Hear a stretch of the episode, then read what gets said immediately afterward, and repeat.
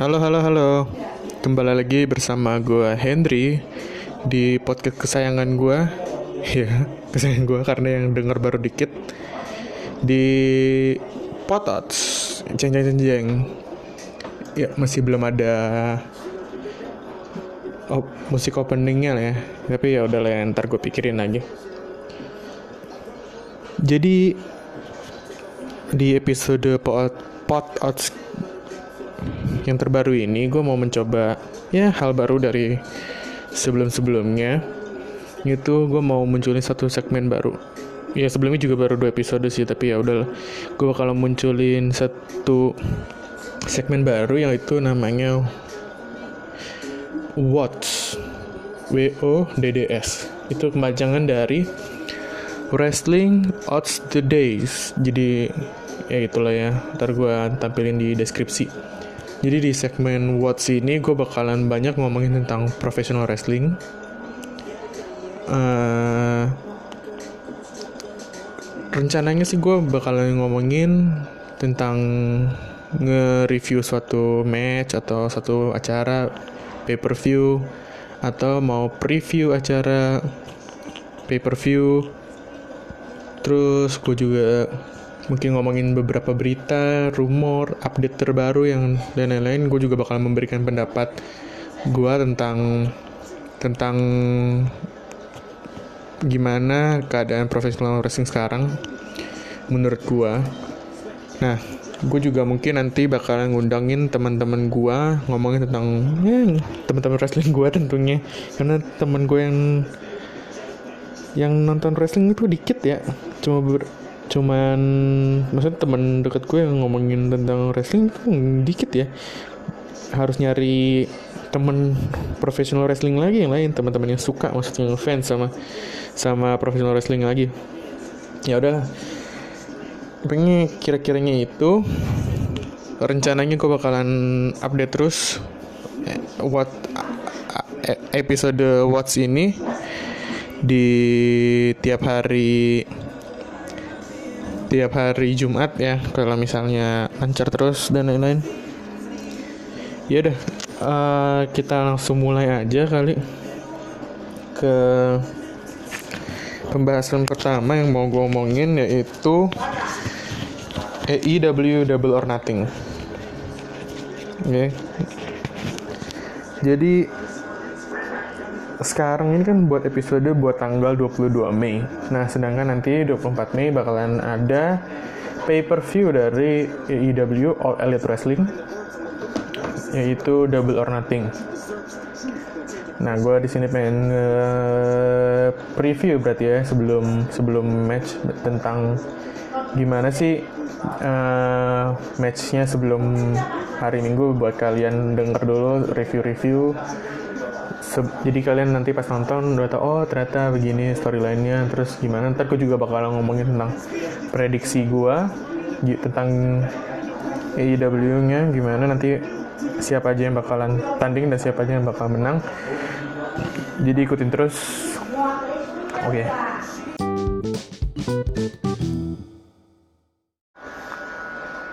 ya yeah seperti yang kalian tahu, AEW Double or Nothing ini adalah event kedua Double or Nothing di AEW.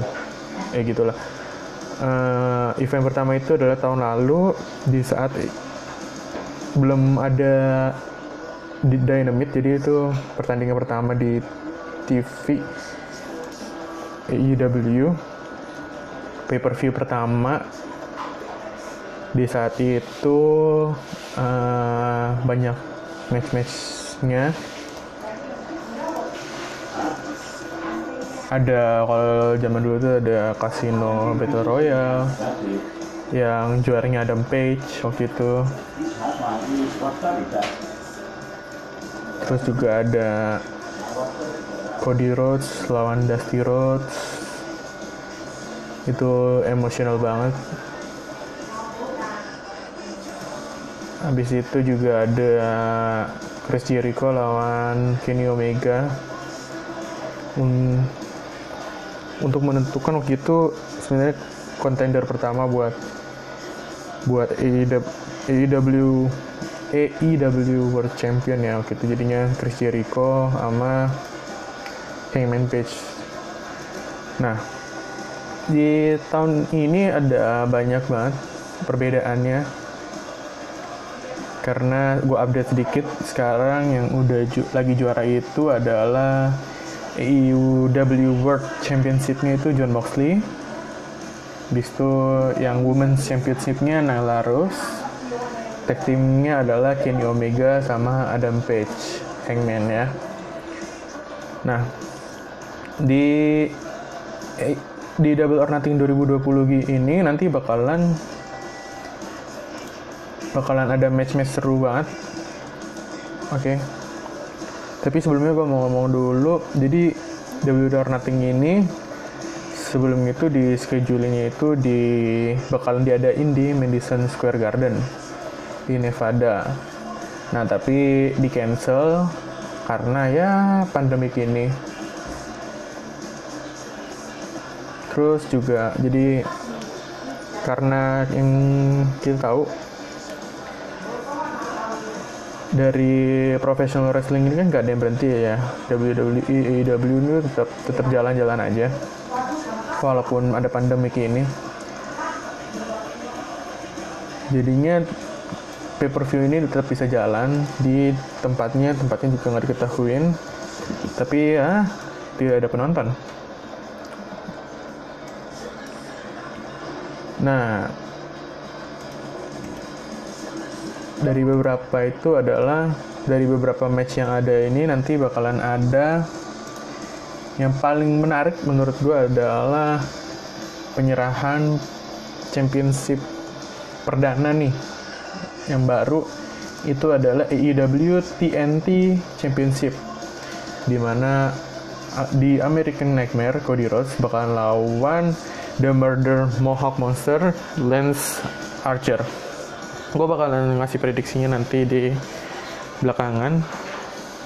Terus juga bakalan ada championship match dari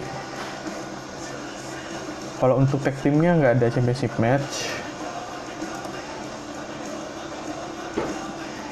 Championship matchnya itu ada kalau yang dari yang cewek itu mana ya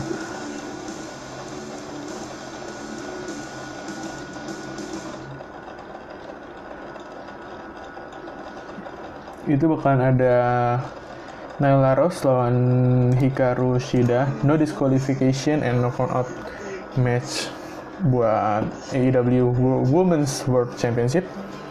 Bingung ya ya kan? Kalau no disqualification no count out kenapa harus di kasih tahu gitu? Kita udah tahu kalau nggak ada diskualifikasi nggak ada count out. Nah terus juga kalau yang dari Men's Championship-nya ada John Moxley lawan Brody Lee sama-sama undefeated. Nanti gue bakalan kasih kasih prediksi gue dan lain-lain.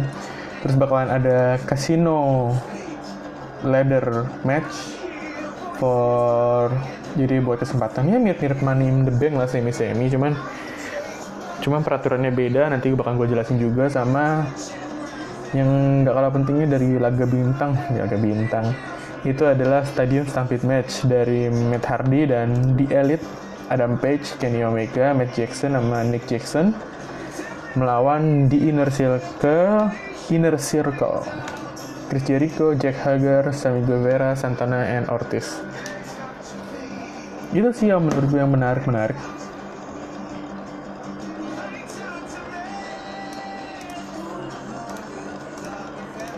kalau stadium Stampede match itu ya mirip-mirip MT Arena match lah ya. Jadi cari satu gedung nggak ada nggak ada penonton dan lain-lain.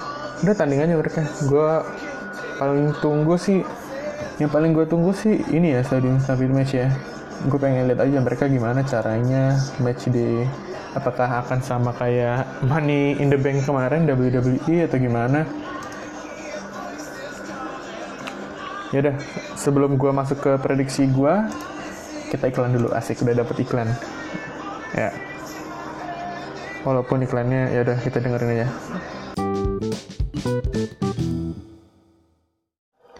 Kalian pasti tahu legend WWE yang namanya Undertaker.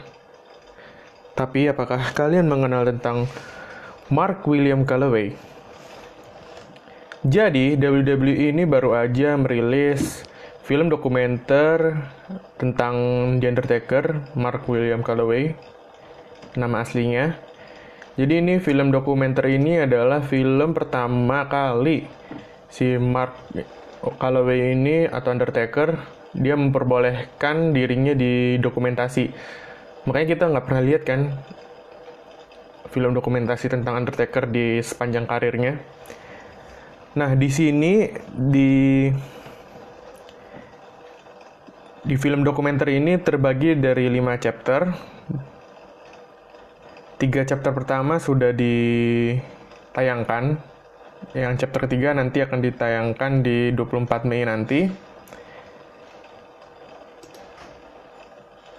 Dan chapter 4 dan 5 akan ditayangkan di Juni. Jadi, di Potouts kali ini akan mereview tentang akan mereview tentang film dokumenter The Last Ride ini. Dari yang pertama, dari chapter 1 sampai 3 dulu, nanti baru part 2 di chapter 4 dan 5. Nah, di film dokumenter ini kebanyakan itu adalah kita melihat sisi dari Mark kalau ya tentang Undertaker, yaitu personanya dia dan gimmicknya dia dan juga tentang pendapat legend-legend lain dan Hall of Fame lain tentang dia. Yang seperti kita tahu, semua orang itu respect sama Undertaker, tapi banyak orang nggak tahu bahwa ada juga ternyata yang nggak suka sama Undertaker. Nah, gimana kelanjutannya? Kita bakalan review itu minggu depan, jadi dengerin terus Potouts. Thank you semua.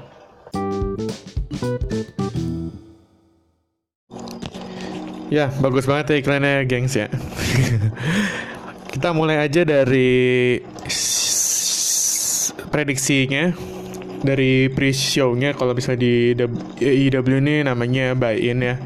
Itu ada tag team match penentuan number one contender buat AEW World Tag Team Championship dari Private Party Isaiah Cassidy dan Mark Wen melawan Best Friends Chuck Taylor sama Trent.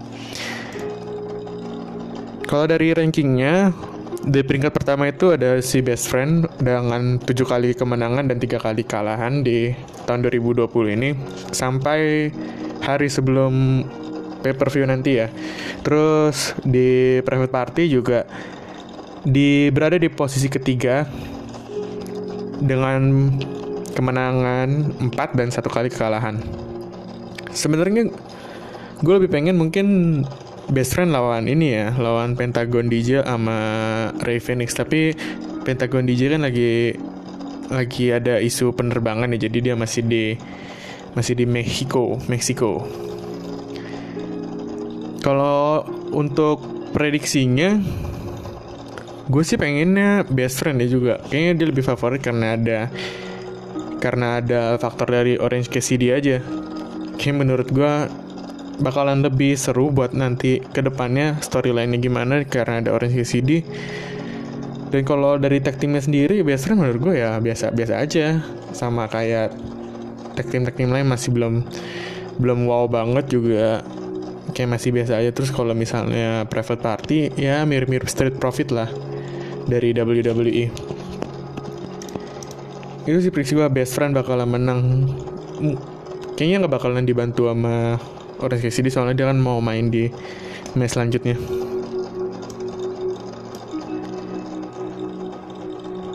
Terus untuk untuk itu buat buy ini terus di event main event bukan main event ya apa ya uh, dari match dari main cardnya match cardnya ini ada beberapa match gue mungkin bakalan prediksi urutan-urutan matchnya dari yang pembuka sampai main event. Yang kemungkinan mungkin yang akan match membuka yaitu Casino Ladder Match buat future AEW World Championship match. Itu ada Darby Allin ada Colt Cabana, Orange Cassidy, Ray Phoenix, Scorpio Sky, Kip Sabian, Frankie Kazarian, Luchasaurus sama satu orang lagi dimunculin pas hari H. menurut gue nih 8 orang yang yang bagus ya buat dimasukin ke ladder match terutama menurut gue yang bagus mungkin Ray Phoenix sama Darby Allin soalnya kan mereka high flyer gitu ya yang biasa lompat-lompat terus rules dari Casino Ladder Match ini adalah mirip-mirip Money in the Bank sih. Itu jadi dua orang dua orang mulai dulu matchnya terus 90 detik orang ketiga masuk 90 detik lagi orang keempat masuk sampai ke orang ke 9 nah peraturannya menang atau kalahnya itu siapa pun yang bisa ngambil chip pertama kali dia yang bakal menang. Jadi bisa aja kalaupun misalnya sebelum orang ke 9 masuk terus udah ada yang bisa terus ngambil chip dia langsung jadi pemenangnya ya. Kasihan banget tuh yang kalau yang yang ke 9 ya. Belum sempat masuk tapi udah kalah duluan. Terus orang ke 9 masih jadi pertanyaan banyak rumor gitu. Tapi gue pengennya sih kalau mungkin itu ya gue pengennya Pentagon DJ sih biar bareng sama Ray Phoenix. Tapi kan dia ada isu penerbangan gak bisa itu mungkin menurut gue Remy Havoc mungkin kasihan juga ke dia kalau jadi penonton-penonton bayaran doang. Wardlow juga mungkin aja menurut gue atau kemungkinan paling mungkin bakalan ada ini sih apa peserta apa ya superstars baru yang mungkin habis rilis dari WWE so gue gak kepikiran namanya siapa dia bakalan masuk ke debut lah gitu. Gitu sih. Kalau untuk prediksi siapa pemenangnya mungkin gue bakalan mikir gue maunya sih ini ya apa Luchasaurus, Luchasaurus ya soalnya kan dia salah satu salah satu gimmick yang bagus banget dia menggabungkan lucha dengan dinosaurus menurut gue sih gue maunya sih Luchasaurus yang menang tapi kayaknya dia belum secepat itu buat muncul di title match jadi kalau gue pikir yang kemungkinan bakalan menang Darby Allin sih Derby Allin juga sekarang lagi di posisi kelima dengan di posisi kelima ranking dengan enam kali menang dan tiga kali kalah.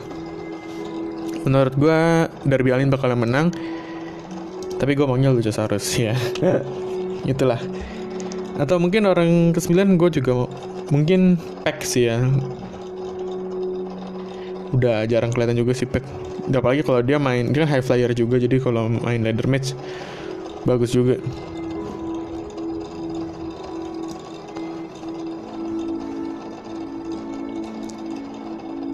terus untuk pertarungan kedua itu kan pertarungan pembuka. Menurut gue masih belum tahu pasti juga per pertarungan pembuka apa. Kini kalau nggak leather match dulu kan stadium stampede dulu deh. Soalnya kayak pembuka kan biasanya bagus. Nah pertandingan kedua kemungkinan urutan kedua itu menurut gue adalah singles match dari Britt Baker lawan Chris Statlander singles match biasa ya mirip-mirip apa ya mirip-mirip kalau di live event tuh break gitulah biar orang ke toilet apa apa gimana. Nggak terlalu nggak terlalu menurut gue nggak terlalu menarik ya kayak pertandingan di Dynamite biasa aja. Storyline-nya pun sebenarnya menurut gue biasa aja pada saat Fatal 4 Way Britt Baker di uh, ngetek si Chris Statlander di luar lapangan terus pakai lock jauh dia terus ya memang kehilangan kesempatan buat menang. Akhirnya mereka berdua mereka berdua di schedulein buat lawan. Kalau dari posisi ranking sendiri, Chris Statlander ada di posisi kedua unggul gitu. Dengan tiga kali menang dan empat kali kalah. Terus Dr. Britt Baker ada di posisi ketiga dan empat kali menang, empat kali kalah. Kok yang empat kali menang di posisi tiga? aneh juga nih ranking. Cuman ya udahlah, gue kalau disuruh prediksi favoritnya di sini kan Dr. Britt Baker. Kalau gue juga prediksi Britt Baker sih bakal menang. Soalnya dia emang lebih lama aja di AEW, kayaknya dia lebih berpengalaman. gitu sih gue nggak terlalu tertarik ya kalau misalnya nggak ada. Soalnya menurut gue di divisi women di AEW masih belum ada nama yang nama yang ngangkat divisi ini sih. Jadi nggak terlalu buat gua ya nggak terlalu menarik daripada divisi tag team atau divisi men sih. Terus setelah match itu menurut gua match selanjutnya yaitu singles match dari MJF ditemani dengan Wardlow melawan Jungle Boy. Ya kalau dari match card ini ya udah tau lah yang, yang pasti MJF ya favorit gue. Menurut gue dia bakal menang. Ya mirip-mirip bakalan mirip tipe matchnya bakalan mirip dengan match MJF lawan Marco Stan sih di di episode Dynamite kemarin ini kan apa ya mirip-mirip David versus Goliath gitu kan yang yang underdog melawan favorit. Kayaknya ya mirip-mirip pertandingan Britt juga. Bakalan jadi pertandingan istirahat sih.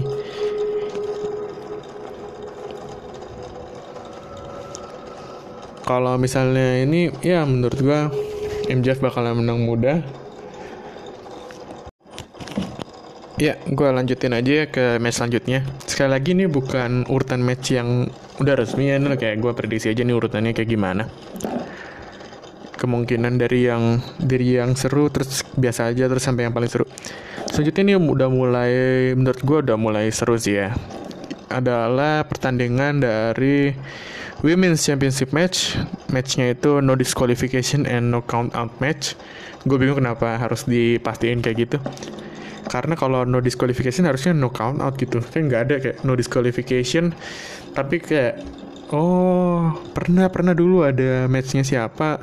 Matchnya Natalia kalau nggak salah di WWE aja jadi no disqualification tapi malah ada count out kan aneh ya. Masa lu gebuk orang pakai senjata boleh tapi kalau keluar dari ring dihitung count out Cuma tetap aneh aja orang udah tahu no disqualification pasti harusnya no count out sih. Jadi match ini itu pertama kali dari Hikaru Shida menang Fatal 4 Way. Waktu itu melawannya pada 13 Mei kemarin. Lawannya ada Penelope Ford, Chris Statlander, sama Britt Baker. Karena yang kasus Britt Baker sama Chris Statlander itu jadi Hikari Soda menang pin Penelope Ford. Jadi dia dapat number one contender. Hikaru Shida sendiri sih lagi on fire ya deh di tahun ini. Dia ada 9 kali menang dan satu kali kalah. Di menempati kalau di power rankingnya itu di ranking nomor satu. Awal terjadinya apa ya promonya ini jadi waktu itu Hikaru Shida lagi di backstage lagi di interview terus Neil Laros attack pakai kendo stick jadinya setelah itu matchnya diumumin no disqualification and no count on match. Kalau dari favorit-favorit di internet ya uh, pada umum ngomongin kayaknya Neil Laros bakalan bertahan cuman menurut gue kayaknya kalau lagi AEW begini apalagi si Hikaru Shida lagi on fire gini kayaknya Hikaru Shida bakalan menang ya. Ya buat bukan karena harus lebih lebih payah dari Hikaru kayaknya lebih buat ada transisi aja di di women division ini. Jadinya menurut gue kalau misalnya championnya ganti kayaknya bakalan ganti warna aja jadi nggak bosen gitu kan kalau misalnya. Kayak dulu Chris Jericho Chris Jericho mulu. Sekarang John Moxley John Moxley mulu. Cuman itu kan karena mereka udah udah tinggi ya namanya. Tapi kalau sekarang kan Naila, Naila Rose juga nggak terlalu tinggi. Jadi kayaknya menurut gue kayaknya lebih bagus kalau misalnya ada perubahan-perubahan gitu sih. Jadi favorit gue prediksi gue mungkin Hikaru Shida bakalan menang di match ini. Selanjutnya adalah gue nggak tahu sih adalah mungkin ini match jadi awal apa nggak paling akhir gitu yaitu tapi gue taruh ini di setelah Women's Championship sebelum main event sama pertandingan lagi satu pertandingan lagi yaitu Stadium Stampede match dari Matt Hardy dan di Elite Adam Page, Kenny Omega, Matt Jackson sama Nick Jackson melawan di Inner Circle Chris Jericho, Jack Hager, Sammy Guevara, Santana, and Ortiz. Apa ya? Ini menurut gue salah satu match yang menarik sih dia kan kayak MT Arena gitu cuma gue takutnya bakalan semi semi money in the bank gitu ya kayak sinematik sinematik gitu. Kalau dari komposisi orangnya sih bagus-bagus ini oh. yang kita tahu eh, di Elite itu ditambah kehadiran Matt Hardy terus sama Inner Circle. Grup yang paling kuat di AEW sekarang. Kalau dari matchnya sendiri itu ya.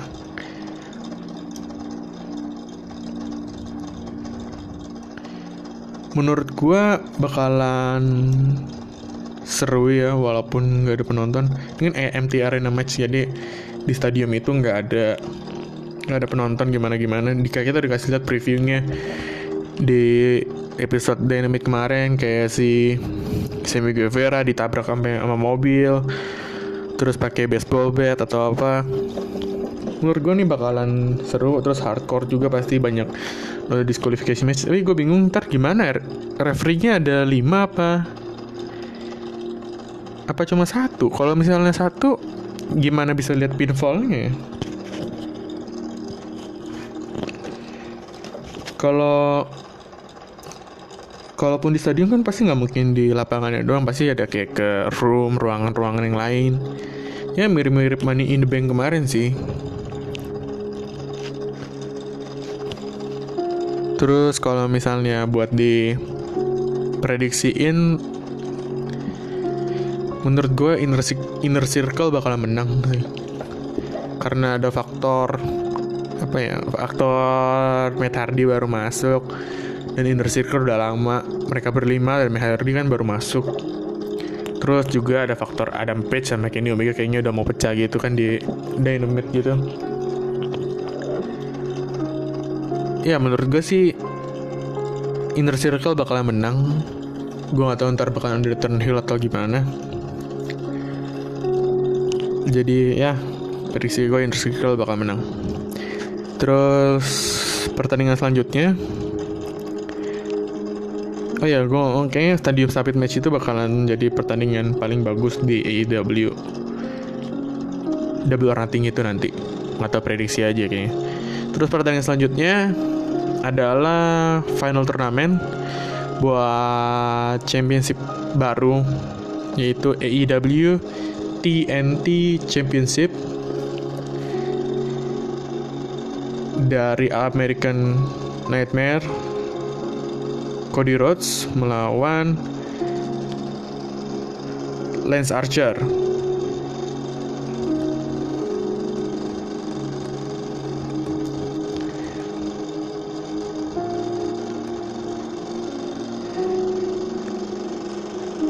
Nanti Cody Rhodes bakalan ditemani nama Arn Anderson sama Brandy Rhodes, terus Lance Archer bakalan ditemani nama Jax The Snakes Robert. Menurut gue nih ya harusnya jadi main event ya. Soalnya kan nih apa ya match yang match baru nih. Terus ntar juga ada kehadiran bintang tamu yang sangat spesial yaitu Iron Mike Tyson. Bakalan penyerahan gitu dia jadi yang penyerahan titlenya. Menurut gue ini bakalan seru tapi nggak ya nggak seru kasih suruh yang lain sih. Kalau misalnya yang tahun lalu pada saat Cody Rhodes melawan Dusty Dustin Rhodes kakaknya sendiri itu kayak emosionalnya bagus banget itu matchnya seru banget. Tapi kalau misalnya buat match ini ya Cody Rhodes kayaknya bakalan kayak biasa aja sih. Cody Rhodes sendiri sebelum sebelum sampai final dia berhasil ngalahin Sean Spear di 8 besar. Terus di semifinal berhasil mengalahkan Darby Allin baru mencapai final. Terus kalau dari Lance Archer pada saat 8 besar dia berhasil melawan Colt Cabana. Terus di semifinal dia berhasil mengalahkan Dustin Rhodes barulah sampai final. Menurut gue salah satu yang menarik di sini adalah pertarungan dari mentor mereka Arn Anderson sama Jack the Snake Robert. Jack the Snakes ya, Robert. Mereka juga banyak kasih promo-promo yang menarik menurut gue. Kalau di favorit orang sih Lance Archer. Kalau gue juga akan ngomong kayaknya Lance Archer bakal menang di match ini. Karena gue percaya Cody Rhodes juga orangnya buka gila title ya. Soalnya dia pasti mentingin orang lain dulu buat menang kayak Kenny Omega kan harusnya dia karena dia yang bagian dari di elite harusnya dia menang title terus dia kayak ngasih Jericho dulu terus yang Bucks juga kan dia harus menang title cuman dikasih SCU dulu gitu. Kayaknya Cody Rhodes juga bakalan ngalah dulu untuk sementara. Jadi Lance Archer menurut gue bakalan menang lawan Cody Rhodes. Yang menarik adalah apakah kehadiran dari Aaron McTyson ini bakal menjadi pembeda buat match ini. Kayak Aaron McTyson pas lagi di WrestleMania 14 pada saat Shawn Michaels lawan Steve Austin apakah dia bakalan ikut campur dalam match ini? Atau ya cuma penyerahan gitu? Nggak menarik kalau misalnya Aaron McTyson ikut campur sih menurut gue jadi itu sih prediksi gue Lance Archer bakal menang lawan Cody Rhodes dan jadi AEW TNT Champions pertama. Gue bingung kalau misalnya AEW sama TNT putus kontrak bakal ganti nggak ya namanya? Apa udah PD aja bakalan ada terus? Terus main eventnya. Lanjut ke match selanjutnya. Main eventnya adalah John Moxley melawan Brody Lee ini udah ditentuin sih sama Dynamite-nya kalau main eventnya bakalan John Moxley sama Brody Lee. Gue gak tahu ntar bakalan apakah bak bakalan berubah di hari H.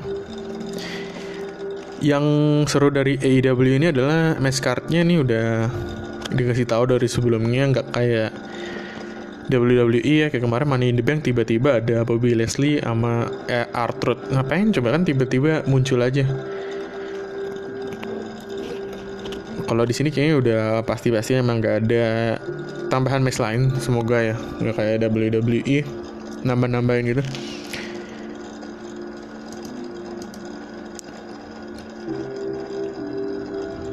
Jadi di ranking di posisi ranking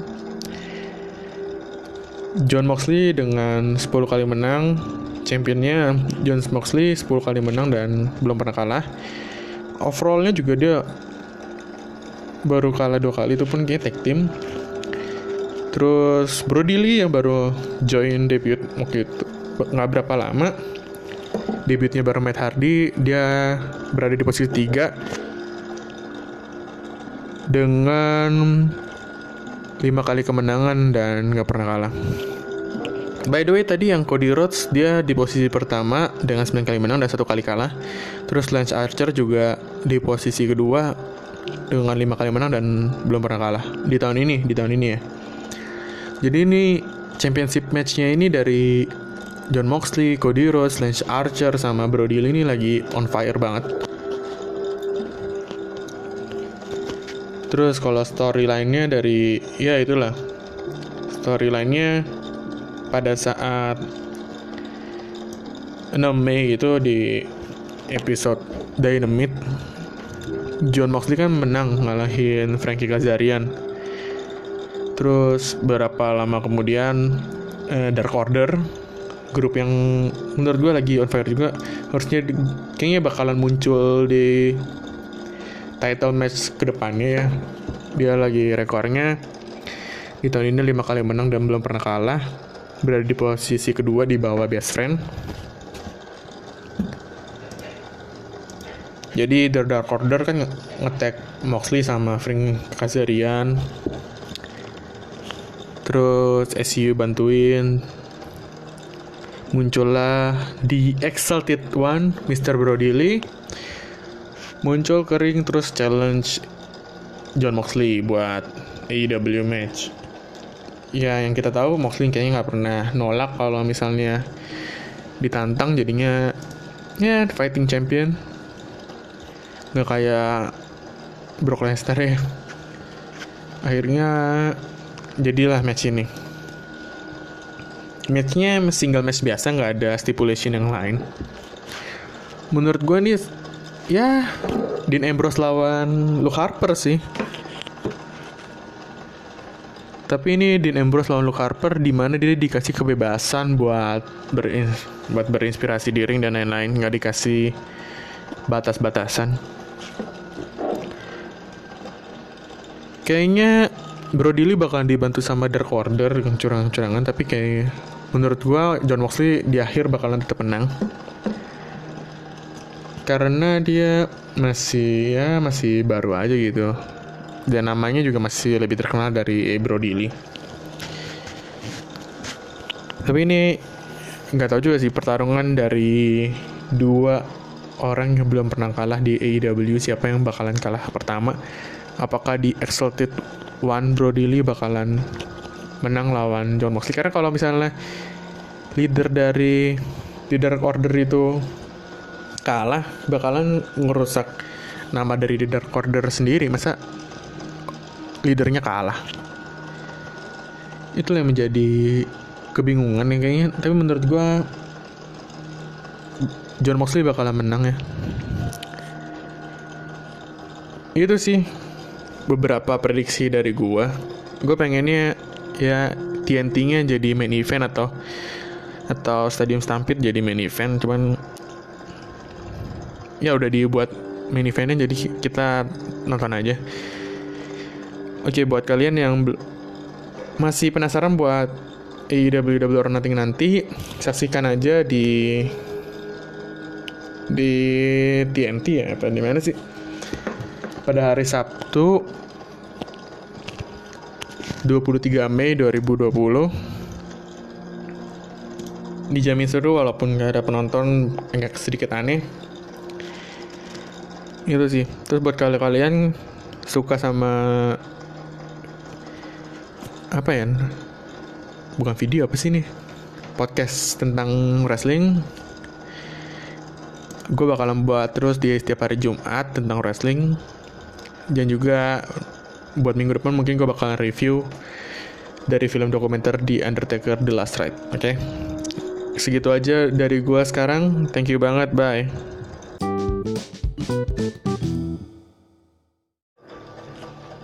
Halo gengs, pendengar setia dari Podouts. Kalau kalian suka sama podcast ini, bisa di follow dan didengarin eksklusif di Spotify bisa juga follow di Instagram Pododds di POD underscore ODDS Pod underscore odds buat tahu updatean-updatean terbarunya. Bisa juga subscribe di ke channel YouTube Pododds di Pododds POD ODDS. Di situ banyak video menarik lainnya. Jangan lupa buat like dan share juga ke teman-teman kalian lainnya ya, biar makin banyak yang dengar. Thank you.